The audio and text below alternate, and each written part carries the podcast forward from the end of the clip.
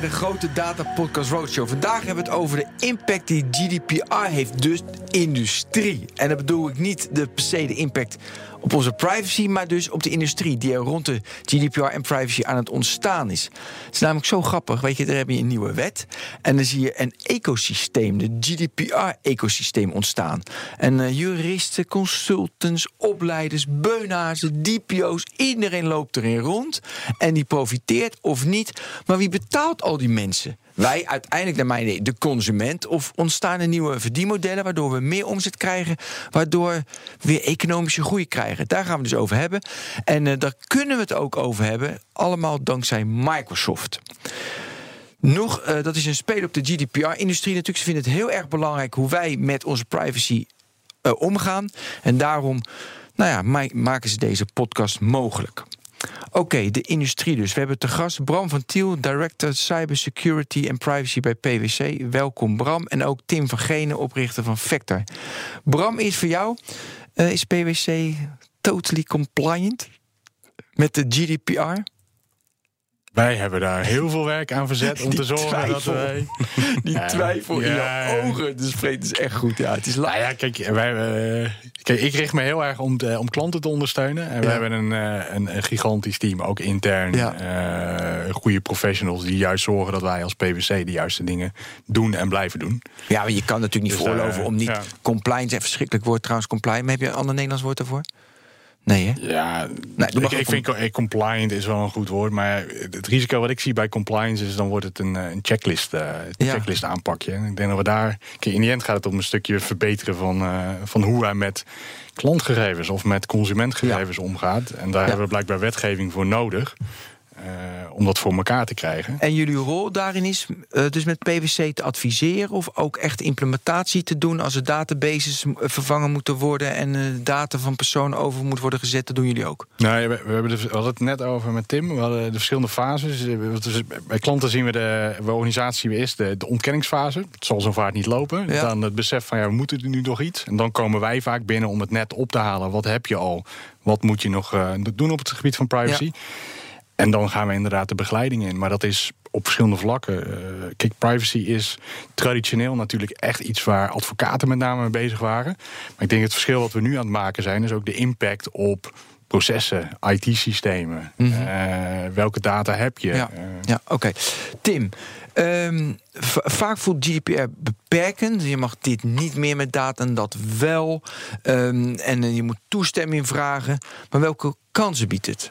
Hoe hou je er meer waar? We hebben het over de industrie, hè? Ja, een echt goede vraag. Uh, ik denk dat uh, als je kijkt naar de traditionele digitale industrie, dan heel veel van de data die tot dusver gebruikt wordt, is uh, probabilistisch. Dat betekent dat die op aannames gebaseerd is. En ik denk als je de GDPR verder trekt en je kijkt naar de vijf rechten die je krijgt als consument.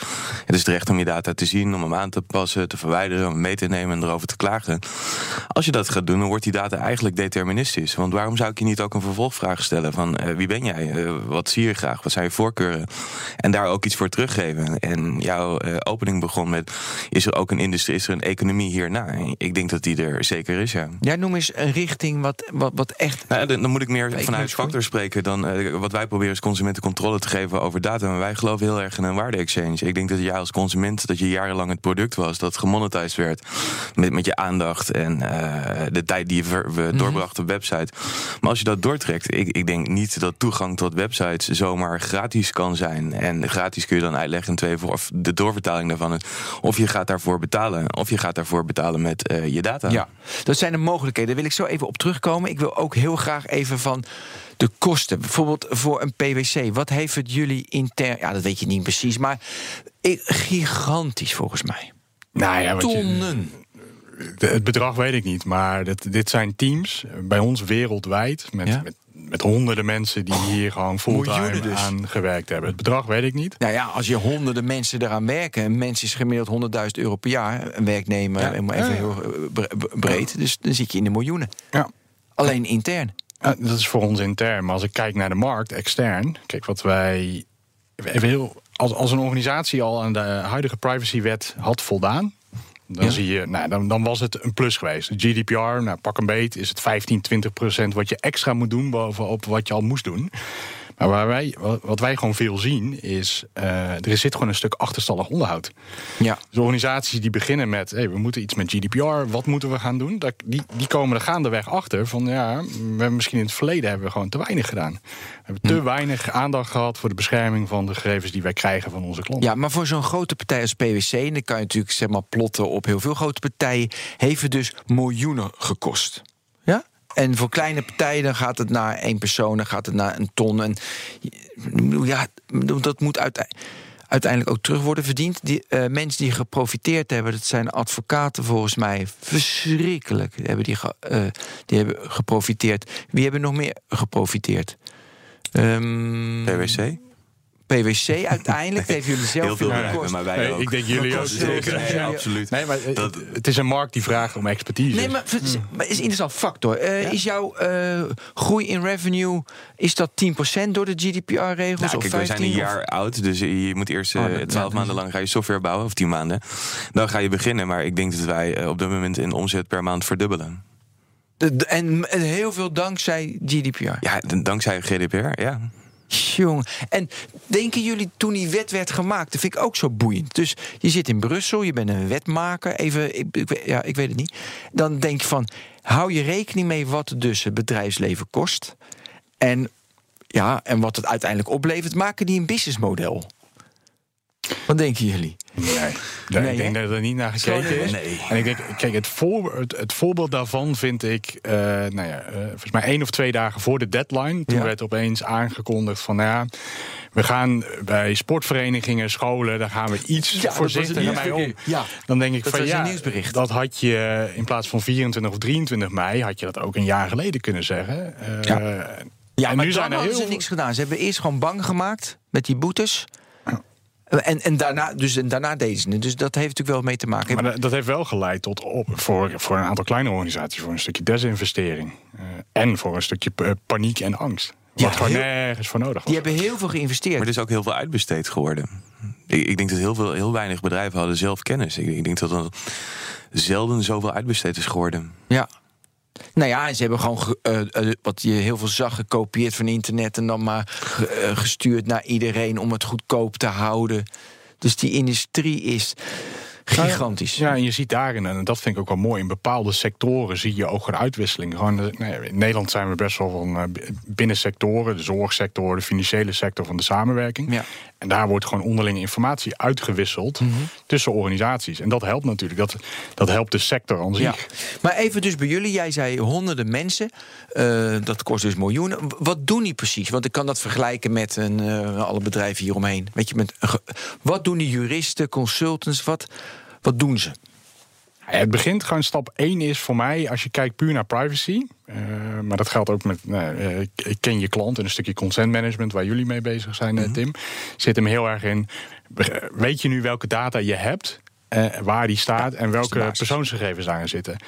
Nou, grote organisaties hebben inherent veel IT-systemen, deels intern, deels in de cloud, deels uitbesteed.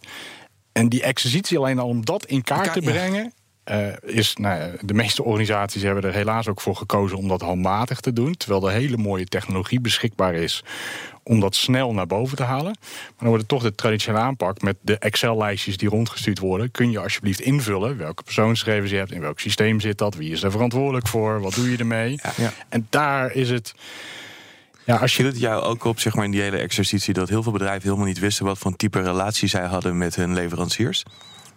Oh, met de verwerkersovereenkomsten die ze allemaal moesten maken. Ja, dat was ook een drama. Ja. je had ook in één keer meerdere varianten. Je had de co-controller, joint controller. Dat moet je even uitleggen. Oké, ja. Wat precies, wat de ja, rollen zijn? co-controller, ja. Oké, dus als, als, als controller, excuses, uh, excuses voor de Engelse term, als controller, dan bepaal je de purpose and means. Dus jij bepaalt um, wat er gebeurt en met welke middelen. Als verwerker, als processor, moet je, heb je je daar aan te houden. Ja. En wat naar voren kwam, is dat heel veel van die bedrijven, die, uh, als jij leverancier was, had je natuurlijk vaak een eigen datamodel daaraan vasthangen. En dat kwam dan nu in één keer naar voren. Ja, en, ja, en ja, nee, dat, even concreet maken, concreet maken dit. Een bedrijf, even hoe dat echt ging. Nou, laten we zeggen, je hebt een leverancier voor een bepaald stukje software. En uh, jij dacht, uh, daar zit alleen software, maar... Wat voor software? Uh, HR-software, HR-software, advertentie management software. We nemen HR-software. En toen? Ja, dan blijkt dus dat dat soort bedrijven daar ook een eigen model aan hebben om iets dus met die data te zeggen. Dus ze, verzamelen, ze verzamelen de data van die kandidaat, even HR, lekker concreet. Ja, maar ook van al die bedrijven. En deden daar een soort van cross-reference checks op. Uh, en hadden daarnaast nog een analytics pakket waar je dan weer kon. Ja. En daar waren al heel veel modellen en die worden nu in één keer meer inzichtelijk. En daar mooi. En ja, dat vind ik. En hebben ze daar, uh, daar moesten ze dus toestemming voor vragen nu? Nee, niet alleen toestemming, maar dan krijg je in één keer van... laten we zeggen dat je werkt met een grote corporate... en dan krijg je een contract voor je neus en er staan een aantal dingen beschreven. Uh, of je moest zelf aanleveren in Excel van wat doe jij dan met die data. Ja, dat zijn niet de dingen zeg maar, die na GDPR nog zomaar kunnen. Ja, um, en heb je, nee, heb je gezien dat het fout ging? Nou ja, precies het, het voorbeeld dat Tim aangeeft hebben we gezien. Dat wij en we begeleiden een organisatie en die wilde, nou, inderdaad, met een van hun leveranciers, wilde zij een, een data processor agreement. Nou, helemaal prima. En was heel. In die data processor agreement kwam opeens naar voren van hey, die partij, die leverancier, die wil zichzelf positioneren als controller. Dus als eindverantwoordelijke. Ja. En toen, toen pas kwam die trigger van hé, hey, maar wat doet die partij dan precies met die data? Ja, uh, heel veel bedrijven. En wat deden ze toen met die data? Nou ja, daar, dat is een gesprek wat nog gaande is. Ja. Uh, maar die, die organisatie die heeft dus wel gezegd van ja, dit gaan wij niet tekenen. Want wij zijn met een heel ander besef die relatie aangegaan. Ja.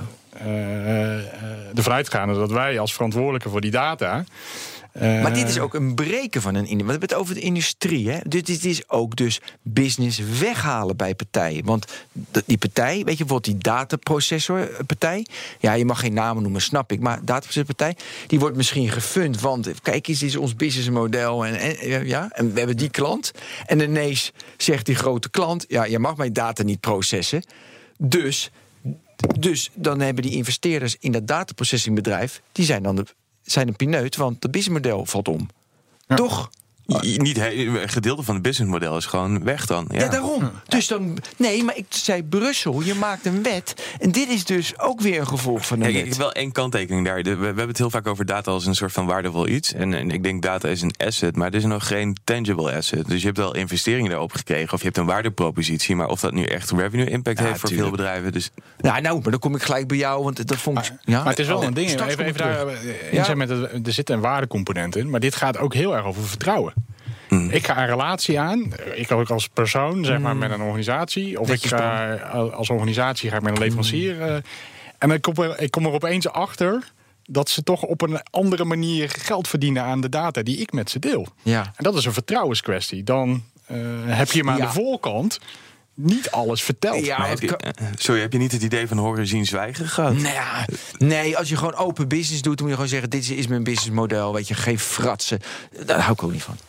Maar ja, goed, iedereen zijn eigen ding. Oké, nee, maar we hadden het over businessmodel. Uh, in de, wat vond ik mooi? Uh, twee afleveringen. Dus Twitter heeft uh, default hebben ze aanstaan dat ze mijn data gebruiken voor adverteerders. En toen twee afleveringen terug, terugluisteren, aflevering, uh, twee afleveringen terug. Toen zeiden de experts die hier zaten van... hey, dat moet per default uitstaan. Vond ik al mooi, dus Twitter heeft dat niet goed gedaan. Maar ik zat dat te lezen bij Twitter en ik dacht van... hey, dan krijgen ze minder advertentieinkomsten. Daarom is natuurlijk, uh, hebben ze het bij default aanstaan. Als ik het dus niet, als ze het niet mogen delen van mij. Dus ook de advertentieinkomsten van Twitter. Nou, en de beurskoers deed helemaal niets, want niemand heeft dat door. Maar dit is toch, ja, die is heel erg voor jou. Uh, ja, nee, ik beantwoord hem. Ik, ik zal de vraag er zelf uithalen. Maar uh, ja, maar daarom gaat heel veel van dit soort bedrijven gaan voor een geforceerde keuze. Dus je geeft toestemming of je gebruikt deze service niet meer. En dat gaat eigenlijk lineair in tegen GDPR. Maar heel veel van deze bedrijven, want dan moet je dus vrije keuze hebben. Mm -hmm. uh, maar heel veel van deze bedrijven beargumenteren, nou, vrije keuze kan ook zijn het gebruik van een andere service. Ja. Twitter is op zich niet uniek uh, daarin. Nee, maar dus jij geeft toe, eigenlijk had de beurskoers van Twitter moeten dalen, omdat ze omdat GDPR aankomt en hij zal bij default aanstaan, maar dat, dat moet impact hebben, want het heeft impact ja, ik zou op zelfs, Hij zou positieve impact hebben, want hun, hun advertentieomzet heeft niet de verwachte keldering doorgemaakt die ze een jaar geleden wel verwacht hadden. Ja, maar dat heeft andere oorzaken, toch? Nee? Nee, oké, okay, leg uit. Ik snap het niet. Ik, ik, denk twee jaar geleden, een jaar geleden, hadden heel veel bedrijven in deze sector, dus die afhankelijk zijn van, van uh, media, advertenties, ja? uh, data, die hadden allemaal het idee: GDPR gaat onze omzet uh, een enorme deuk opleveren. En in veel gevallen is dat uitgebleven. Dat is niet gebeurd. Nee, oké, als je het zo bekijkt. En dat, dat heeft heel erg met eh, die toestemmingen, die worden best wel ge- eh, geforceerd. En daar Ja. is heel veel argumentatie voor bedacht om dat overeind te houden. Eh, ik moet heel, zeggen wel, Nederland is hier iets harder in dan de rest van de landen. Ja, In Duitsland is vrije keuze wordt wel gerespecteerd, voorlopig althans. Ja. Oostenrijk, België. ja. Nee, klopt, klopt, klopt, klopt. We hebben onze DPO, hè, functionaris gegevensbescherming. De, die moet je in dienst nemen. En nummer één, maar de- ehm, ehm, je had ook een voorbeeld uit Duitsland as a service. Ik vond dat zo een mooi voorbeeld. DPO as a service. Nou, als je ziet, zeg maar, in Duitsland is eh, het hebben van een DPO is al voor best wel veel organisaties eh, verplicht, al jaren. En daar zie je, eh, als je, als je het hebt over de impact op de markt, op de industrie, daar zie je een hele aparte industrie ontstaan. Dus er Ja. zijn organisaties, er zijn organisaties in Duitsland van 100 man die verplicht een DPO moeten hebben. Mhm. Eh, dan heb je een keuze, ga je iemand in dienst nemen die ook een beschermde functie heeft, die allerlei rechten heeft, verplichtingen. Eh, en in Duitsland, de, de markt heeft daarop ingespeeld. En er zijn dus echt boutique firmaatjes ontstaan die DPO as a service aanbieden. Er zitten twee voordelen in. Nou, je, je hebt zelf niet de hele recruitment. Maar je kunt ook een DPO, eh, die kun je ook bijvoorbeeld voor een aantal dagen in de maand inhuren. Dus eh, bepaalde personen zijn DPO bij meerdere organisaties. Dus je hebt minder last van een tekort aan de markt, omdat je de, de DPO-capaciteit in de markt weet te, weet te spreiden. En zijn die, zitten die voldoende diep in die bedrijven dan om alle aspecten te zien? Of is het. Ja, ik zou, ja dat, dat zou wel kunnen, ja. Ja. Zie je dat in Nederland? Nee? Nou, ik, ik denk sommige wel, maar ik, las vanochtend, eh, ik googelde heel even op, op DPO en eh, omscholing en eh, nog meer varianten. En dan kom je toch bij best wel leuke beschrijvingen terecht van scholingstrajecten voor DPO's. Waar het gemiddelde profiel dan staat, eh, toch wel een man, 50 plus. En eh, ik, ik, moest best wel lachen. Ik denk, als je het hebt over data en alles in digitaal domein, leek mij dat juist niet de ideale kandidaat. Nee, maar je ziet daar, je kunt de parallel trekken. Je, je ziet een, een. Het interessante van een nieuwe markt is dat er ook zeg maar, een beetje de, eh, de beunhazen de markt opkomen. Dus Ja. nu de, de, de autoriteit persoonsgegevens heeft al eh, gewaarschuwd van nou ja, eh, let op voor AVG-keurmerken eh, Die misleidend, ontstaan, die misleidend zijn. Die hebben ze in Duitsland wel trouwens, die zijn wel geaccepteerd. Ja, klopt, ja. Eh, maar ook bijvoorbeeld, de, een tijdje terug is, eh, zijn een aantal artikelen gepubliceerd over zeg maar, de, de verandering in de cybersecurity-markt in Nederland. En daar werd een voorbeeld aangehaald, en dat vond ik echt een treffend voorbeeld, van een kapper die naast eh, zijn dagelijkse werk als kapper zichzelf ook aanbood als ethical hacker. En dan denk ik van ja, nou in hoeverre. En misschien is die heel goed hoor, dat zou heel, Ja, heel goed kunnen. ik- ik bedoel, Eh, want die ene 17-jarige jongen die is HAVO-scholier en ook hacker. Ja, nee, dat klopt. Dus heel goed. Maar je ziet dus daar, ja, je ziet een markt ontstaan waarbij eh, niet iedereen hetzelfde niveau heeft. Ja, dus in de groei van de dienstindustrie zie je daar weer eh, hetzelfde gewoon een- niveau. Er komt concurrentie in. Dus dat is gewoon, een weet je, eh, dus marktmechanisme. Zie je eh, de DPO as a service in Nederland? Heb je al bedrijfjes gezien die daarop inspelen? Eh een van jullie? Eh, n- Nog allemaal niet super groot. Ik heb wel wat dingen voorbij zien komen. Ja. Nog even aan vanochtend refereren. Ik zag dat we in Nederland zoeken we 8000 DPO's. Waarvan er dan tot dusver zijn er 1000 daarvan opgeleid. ja, dus het is. eh, er moet nog wel iets gebeuren. Ja, En, gewoon, en ik denk aan DPO direct voor een bedrijf kostenpost. Het is een gekke. Ik denk bij GDPR compliance en direct kostenpost vervelend. Dus eh, misschien maar er zijn ook kansen. Je hebt, in het begin kort laten we nu dan over de kansen hebben. Want in het begin had je het al kort over de kansen. En nu gaan we daar dieper op in. Oké, nee, ik, ik denk dus, eh, als je kijkt naar de digitale media en advertentieindustrie, ga ik even op de kansen daarin. Die ken ik het beste. Jarenlang was je zelf het product. Eh, je, er wordt heel veel gewerkt met eh, data die gebaseerd is op aannames. Die is helemaal niet deterministisch. Daar is heel weinig van bekend. Daar is jarenlang best wel veel geld aan uitgegeven. Ik denk onterecht. En als je kijkt naar de kansen dat GDPR, als je controle aan de consument geeft en je, betrekt ze meer in het proces en je vraagt ze iets meer en je geeft er ook iets voor terug, krijg je dus deterministische data. Maar je kan ook zeggen, misschien is jouw eh, data mij wel geld waard. Maar wie, even het eerste. Wie doet dat al? Welk bedrijf doet het al heel goed? Waar we allemaal hebben van ja, ik geef graag mijn data. En dan kijk ik heel goed terug. Ik zou even voor de grap, even tussendoor. Mag ik even één even grap ja. Ik was in Australië en, uh, ik, uh, en op, uh, op Facebook kreeg ik dus allemaal advertenties van een autokrik, een, een auto. Nou, dat kan je nog voorstellen. En dan nog een auto. Ik kreeg echt advertenties die nergens op sloegen. Dus weet je, ik, de, en ik, ik, ik help Facebook altijd om goede advertenties aan mij te geven. Dus ik train ze echt. Hm? Dat is allemaal slecht. Dus ik wil heel graag een voorbeeld hebben waarbij het wel goed zit. Er zijn nog helemaal heel weinig voorbeelden. Ik, ik, moet zeggen, de eerste waar ik aan dacht is, is Talpa. Talpa gaat over op uh, meer, noemen ze dat. En dat is een login voor al hun services. Mm -hmm. En om, uh, om hun content te zien, zul je je dus zelf bekend moeten maken. En de trade-off hier is, je krijgt de content in ruil voor je data.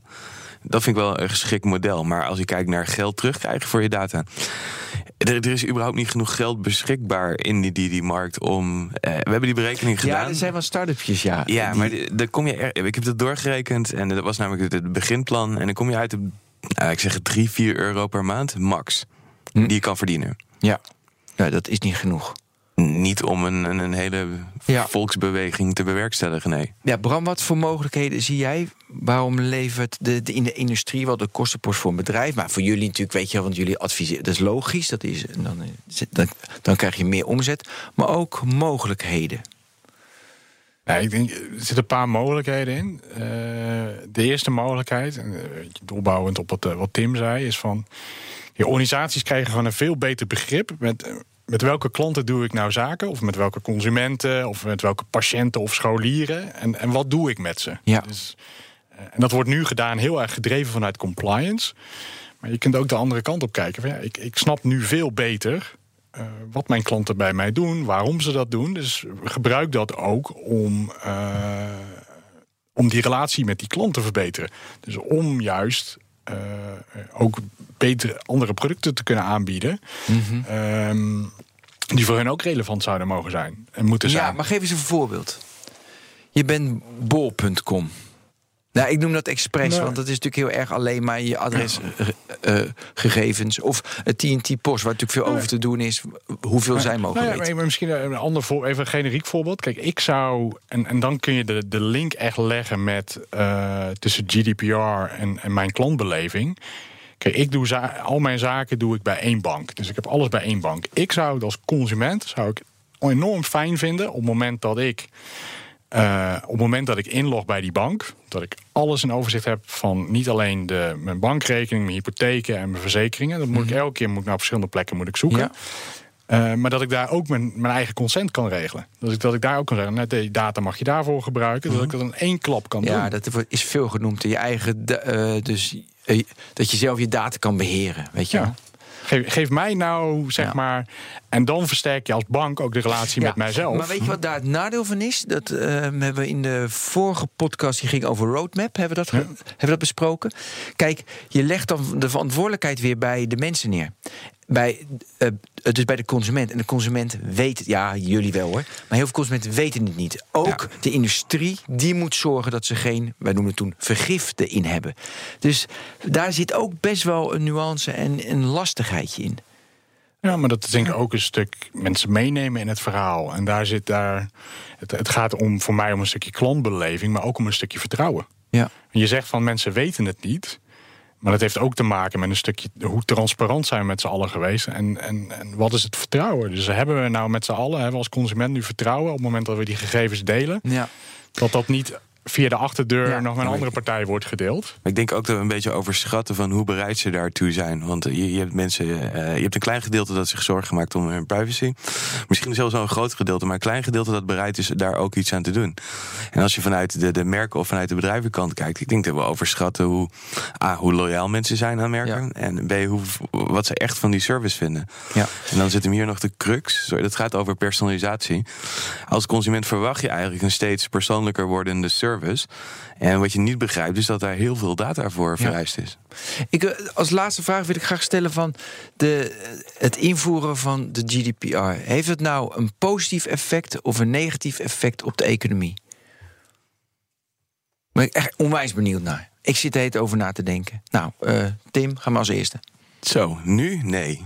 Toekomst, macro, ja.